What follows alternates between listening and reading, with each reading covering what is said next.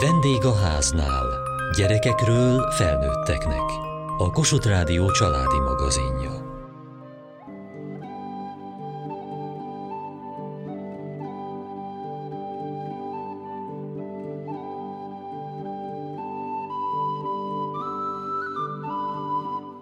Hibázni emberi dolog, állítja a közmondás. Mégis milyen nehéz megküzdeni hibázásainkkal a mindennapokban s hogyan érzik magukat a gyermekeink, ha nem sikerül nekik valami. Hogyan lehetünk mellettük ilyenkor mi, felnőttek?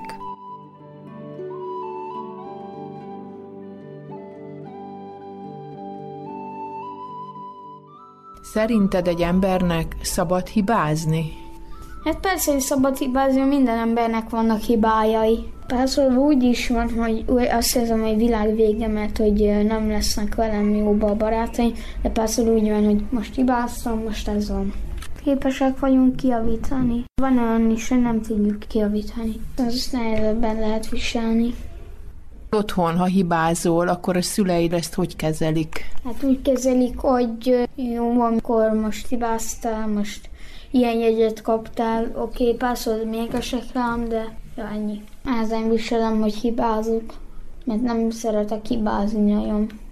Akkor mi a te taktikád? Hogy tudsz magadon könnyíteni? Hát úgy, hogy például lelolvasom el a szöveget, aztán jól tudom rá a választ, jól megtanulok valamit. És te másoknak megengeded, hogy hibázzanak? Persze, megengedem. Ez mitől van, hogy nem tudunk tökéletesek lenni? Nem tudjuk magunkat kontrollálni, amikor fáradtak vagyunk, és ezzel hibázunk. Nem szoktam nagyon mindent tökéletesen csinálni, de néha én is szoktam elrontani dolgokat. Azt szokták mondani, hogy nem baj, csináljuk újra, hogy megpróbálom még egyszer. Másodszorra sikerül? Valamikor igen, valamikor nem. Akkor nem leszek mérges, akkor próbálkozok. Te ilyen kitartó vagy? Annyiszor próbálkozol, ahányszor csak lehet? Igen, sikerül.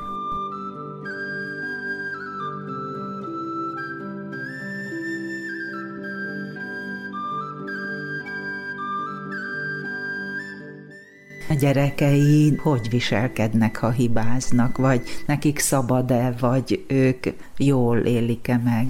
Hú, remélem majd 30 évesen megmondják ezt ők, hogy, hogy, hogy élték ezt meg, de mivel ismerem a, a hibázás oldaláról a szorongást, ezért egy célkitűzésem, hogy, hogy szorongás nélkül nevelhessem a gyerekeket, és ilyen óvodát, iskolát is szeretnénk nekik választani, és nagyon értékeljük a, a megengedő és biztonságos közeget, bármerre járunk, a, ahol ezt érzem a velem szembeálló pedagógus pedagóguson is, hogy, hogy ilyen védőhálót tart a gyermek alá.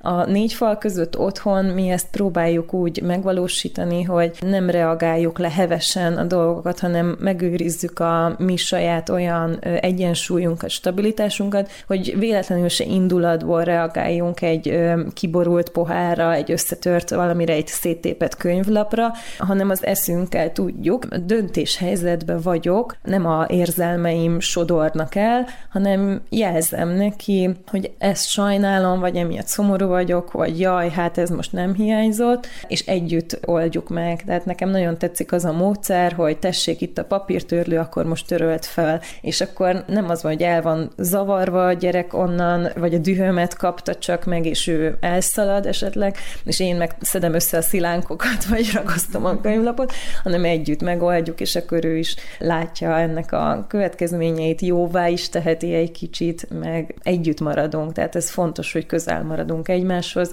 Ő is látja, hogyan én veszek egy nagy levegőt, kifújom, vagy el, eltörlöm a könnyeimet, hogyha annyira nehéz egy szituáció, de nekem nagyon fontos, hogy ők lássák azt, hogy lehet feszültnek, lehet szomorúnak lenni, lehet hibázni, és én is, ha, mert én is leszoktam ejteni dolgokat, akkor annak is, ha látják a bosszúságát, és ahogyan én szedem össze saját magam utána a szétgurul dolgokat.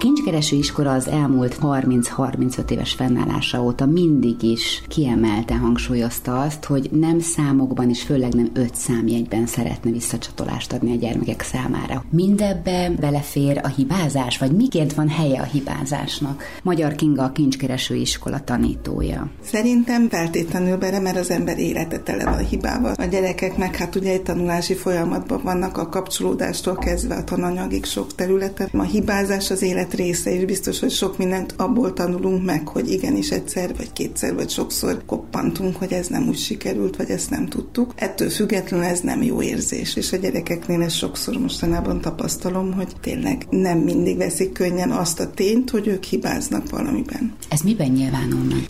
Arckifejezésben, indulatban, szóban, gesztusokban, egymásnak való reakciókban is néha. Abban is, hogy akár bele sem mer vágni egy-egy feladatba? Ja, feltétlenül kell a külső támogatás, lökés, hogy induljon neki. Vannak ilyen gyerekek is. Hogyan lehet bennük ezt oldani? Mert nyilván akkor nekik nehezebb egymást, vagy nem tudom, nehezebb, úgyhogy nincs osztályzás magukat Szerintem egymáshoz hasonlítani. jó antennáik vannak, tehát ettől függetlenül nagyon hamar kialakul egy ranglétra. Hát sok szempont alapján, de biztos, hogy a tudás, a tanulás, sokféle ügyesség az egy fontos szempont, és biztos, hogy ez számít egymás közötti ranghely elérésben. Több mint 30 éve van már a pályán. Sok alsós gyermeket kísért végig. Változott ez az irány, hogy mennyire mernek hibázni, hogy mennyire mernek önfeledten belevágni egy új kihívásba, vagy bármibe? Nehéz ezt így objektíven megmondani, mert nyilván én is változtam, és nyilván nekem is másra van szemem, fülem, épp érzékenységem, de hogy nekem feltűnt az mostanában, hogy ezt nehezebben fogadják a gyerekek, indulatosabbak, zsörtölődőbbek, nehezebben szembesülnek azzal, hogy valami nem megy annyira jól, tehát hogy jobban kell a lökés ahhoz, hogy belendüljenek, hogy az egy indítás, hogy arra lehet menni, mert most még nem megy, de majd fog ezt a hitet erősíteni bennük, az nagyon fontos. Hogyan tudja? Emberi reakciók szerintem az egész pedagógusi pálya ebből áll legérzékenyebben, ebből az apró visszajelzések, fogékonyság arra, hogy mi jön belőlük látni, hogy neki ez most rosszul esett, és egy simítással picit bátorítani vagy erősíteni, szerintem ilyenek. És azon gondolkodott, hogy vajon mi lehet ennek a hátterében? Biztos minden gyereknél más és sokféle. Nekem, ami szembeötlő furcsaság, ami most így elkezdett engem foglalkoztatni, hogy a mi környezetünkben, a mi iskolánkban, meg szerintem a szülői közösségünkben is kifejezetten elfogadó felnőtt attitűd a jellemző, ami azt sugalná az embernek, hogy ebbe könnyebb hibázni. És olyan érdekes belefutni abba a jelenségbe, hogy a gyerekeknek belülről ez mégis nagyon nehéz, és nehéz azt látni, hogy ebben nem én vagyok a tökéletes. Néha egy picit azt érzem, hogy a gyerekekben lehet, hogy mi építünk egy ilyen maximalizmust a teljes elfogódott, elfogult szeretetünkkel, hogy ők mindenben tökéletesek. Kolléganőmmel szoktunk beszélgetni erről, hogy lehet, hogy a dicséretünk nekünk néha túl általános, többes szám első személy a felnőtt világra vonatkozik, akár tanítókra, akár szülőkre, hogy azt mondjuk úgy általában, hogy ügyes vagy. De azzal a gyereket nem biztos, hogy erősítjük, mert lehet, hogy ő nem érzi, hogy mire vonatkozik az az ügyesség. A fáramászásra, vagy a hetes szorzótáblára, emberi kapcsolódásra, tehát hogy egy picit túl árnyalatlan néha, amikor dicsérünk. Másrészt meg lehet, hogy ő bennük is ez egy picit, ez az általános, legtöbbször pozitív megnyilatkozás, ez néha az én képükkel azért ütközik, mert hát tudják, hogy ők másmilyenek is, viszont ha mindig ezt hangsúlyozzuk, akkor ez egy picit olyan hiteltelen, vagy erőtlen, vagy elveszti a súlyát, hogy minden pici dologra is mondunk egy nagy dicséretet, nagy örömöt, nagy ovációt, miközben az ő értékrendje szerint az csak egy pici dolog. Biztos benne van a teljesítményszorongás, benne van a háttér. Sokat várunk azért a gyerekektől, mind a mellett, hogy dicsérjük őket általánosságban, nagyon sokat várunk tőle, mert valahol a mi teljesítményünk is az, hogy a mi gyerekeink, akár pedagógusként, akár szülő szülőként jól teljesítenek, békességben, örömben vannak, elégedettségben. A mi elégedettségünket is nagyban befolyásolják.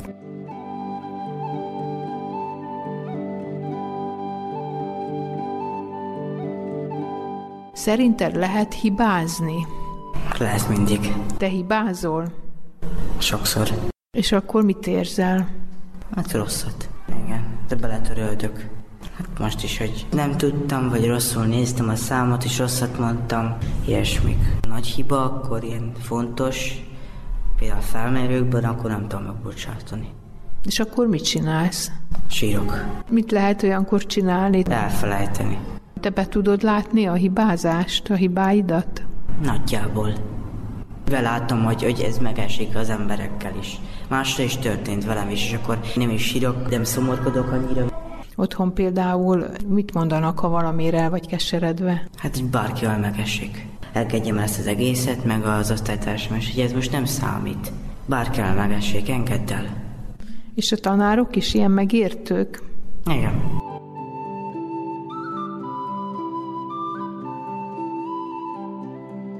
ahogy ön is egy cikkében említette, vajon csak a közmondásokban van engedélyünk a hibázásra? Mit lehet erről megfogalmazni? Ciglán Karolina pszichológus.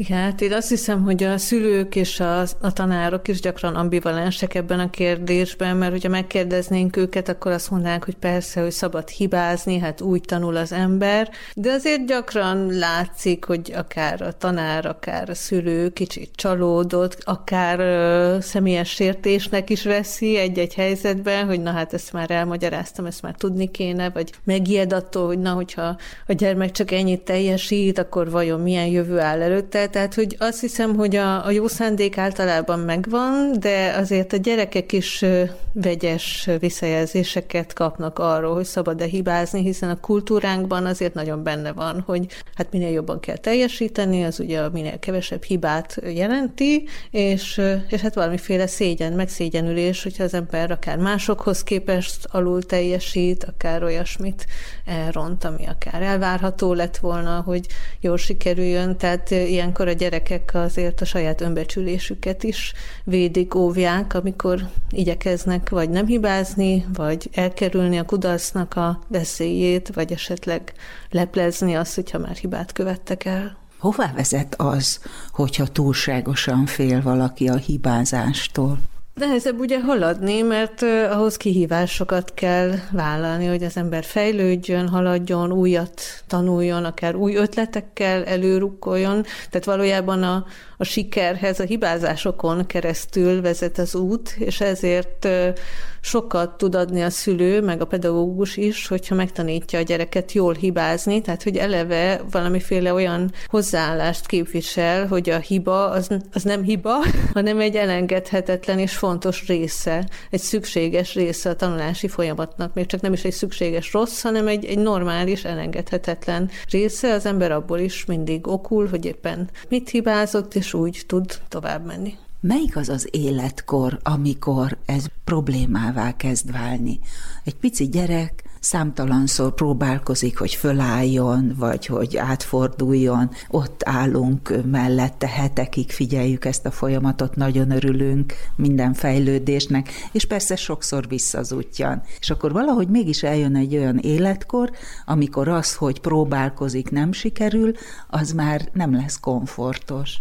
Igen, hát sajnos nagyon rövid időszak az, amíg, amíg tényleg, ahogy a, a babák olyan fáradhatatlanul, és a jókedvüket nem elveszítve, ugye eresnek, újra felállnak, újra kezdik, de onnantól kezdve, és ez fokozatosan óvodáskor során már megjelenik, hogy az ember észreveszi, hogy, hogy mások is látják őt valamilyennek, elkezdi egy kicsit összehasonlítani magát másokkal, tudja, hogy van olyan, hogy valami ciki, vagy hogy van olyan, hogy a másik ügyesnek látja őt, őt, innentől kezdve már elkerülhetetlen, hogy, hogy ezt is szem előtt tartsa, és hogy valamiféle stressz azért társuljon ahhoz, hogyha például látja, hogy neki valami esetleg rosszabbul megy, mint a kortársainak. Tehát ő benne magában is megjelenik a kisgyerekben ez. Igen, hát az ember összehasonlítja magát másokkal, illetve egyre jobban füle lesz arra, hogy visszajelzéseket kap, és egyre jobban érti, hogy akkor mások látják őt valamilyennek. Elégedettek vele, vagy csalódottak benne, vagy büszkék rá, tehát ezek mindenképpen, mindenképpen megjelennek, csak hát nem mindegy, hogy valaki mennyire kitett ezeknek a dolgoknak, mennyire hisz abban, hogy akkor is értékes és szerethető, hogyha hibázik, és hát ez nagyban függ a családnak a hozzáállásától.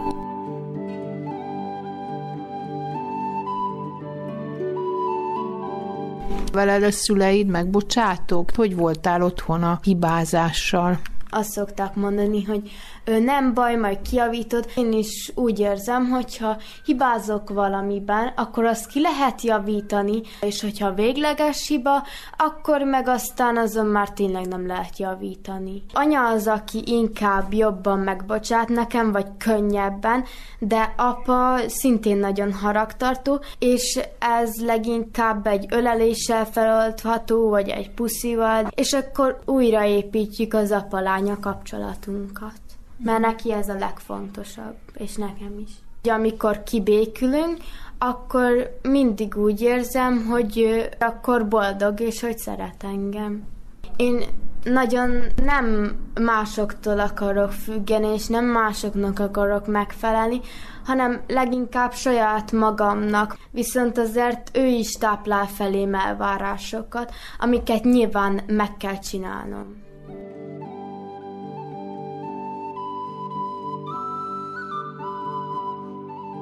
Hogyan adhatja meg egy család ezt a biztonságot, ezt az elfogadó légkört, hogy mindennel azt üzenje a szavaival, a tekintetével, hogy igen, próbálkozhatsz. Ciglán Karolina pszichológus.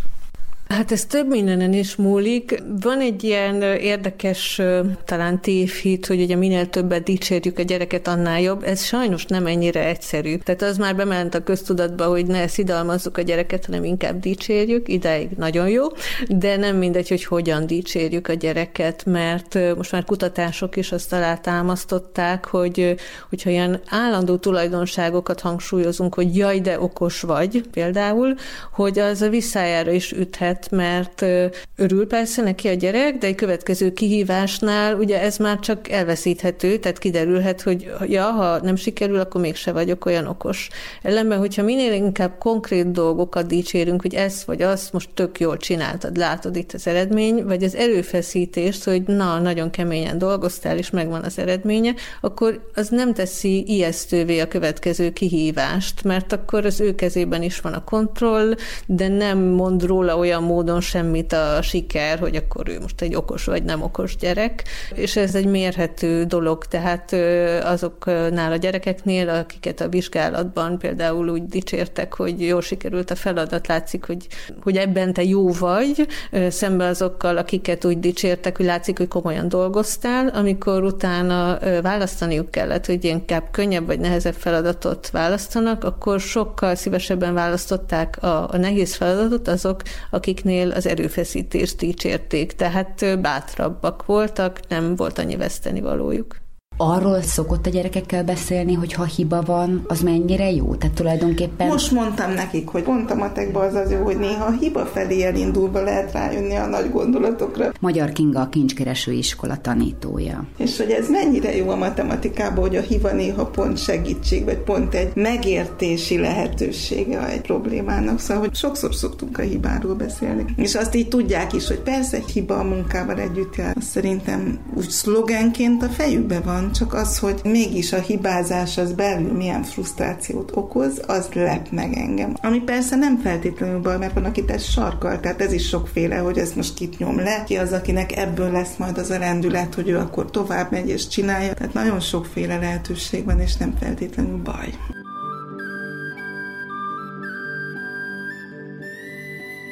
Mire kell figyelni, amikor talán már segítséget igényelnek abban, hogy el tudják viselni a kudarcot. Valójában minden gyereknek szüksége van segítségre, persze nem feltétlenül a terápiás segítségre, de nevelői segítségre. Ciglán Karolina pszichológus ahhoz, hogy, hogy megtanulja, hogy mit kezdjen ezekkel a frusztrációkkal. De természetes dolog az, hogy, hogy szomorúságot vagy feszültséget okoz a kudarc az emberben. Ezt mindenki érzi, hogy, hogy ez egyfajta frusztráló érzés, és ezt mindenképpen a, a szülőktől és a pedagógusoktól tanulja meg a gyerek, hogy, hogy hogyan lehet gondolkozni ezekről a dolgokról, egyáltalán mit jelent a kudarc, hogy, hogy ez egy, egy lépés a gyakorlási, tanulási fázisban, illetve illetve hogy az ember hogyan tud saját magához viszonyulni, hogyha kudarc érte. Ugye azért itt a, a példamutatás is fontos, tehát nagyon nehéz az, hogy egy szülő szeretné megtanítani a gyereknek azt, hogy ő jól viselje a kudarcot, miközben ő maga nagyon maximalista, ő, ő maga nagyon rosszul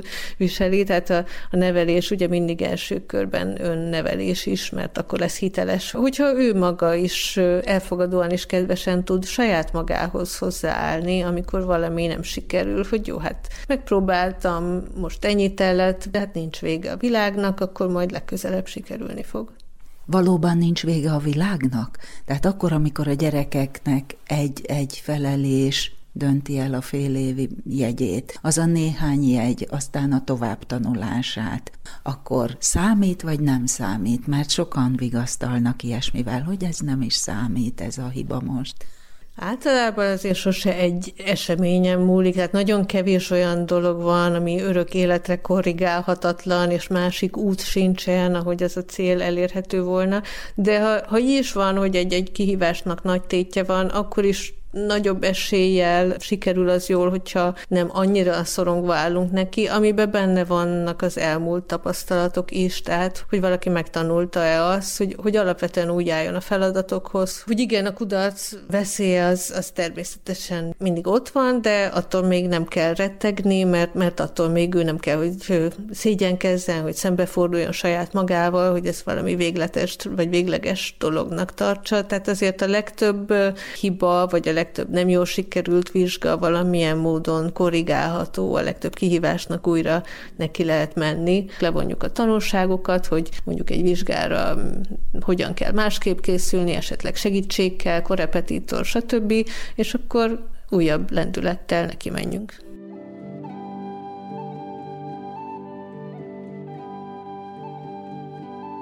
A hibázásról beszélgettünk gyerekekkel, felnőttekkel, szakemberrel. Kövessék műsorunkat podcaston, vagy keressék adásainkat a mediaclick.hu internetes oldalon. Várjuk leveleiket a vendégháznál kukac mtva.hu e-mail címen. Műsorunk témáiról a Kossuth Rádió Facebook oldalán is olvashatnak. Elhangzott a vendégháznál. A riporter Belényi Barbara, Kataluccio Andrea, a szerkesztő riporter Szendrei Edit, a gyártásvezető Mali Andrea, a felelős szerkesztő Hegyesi Gabriella.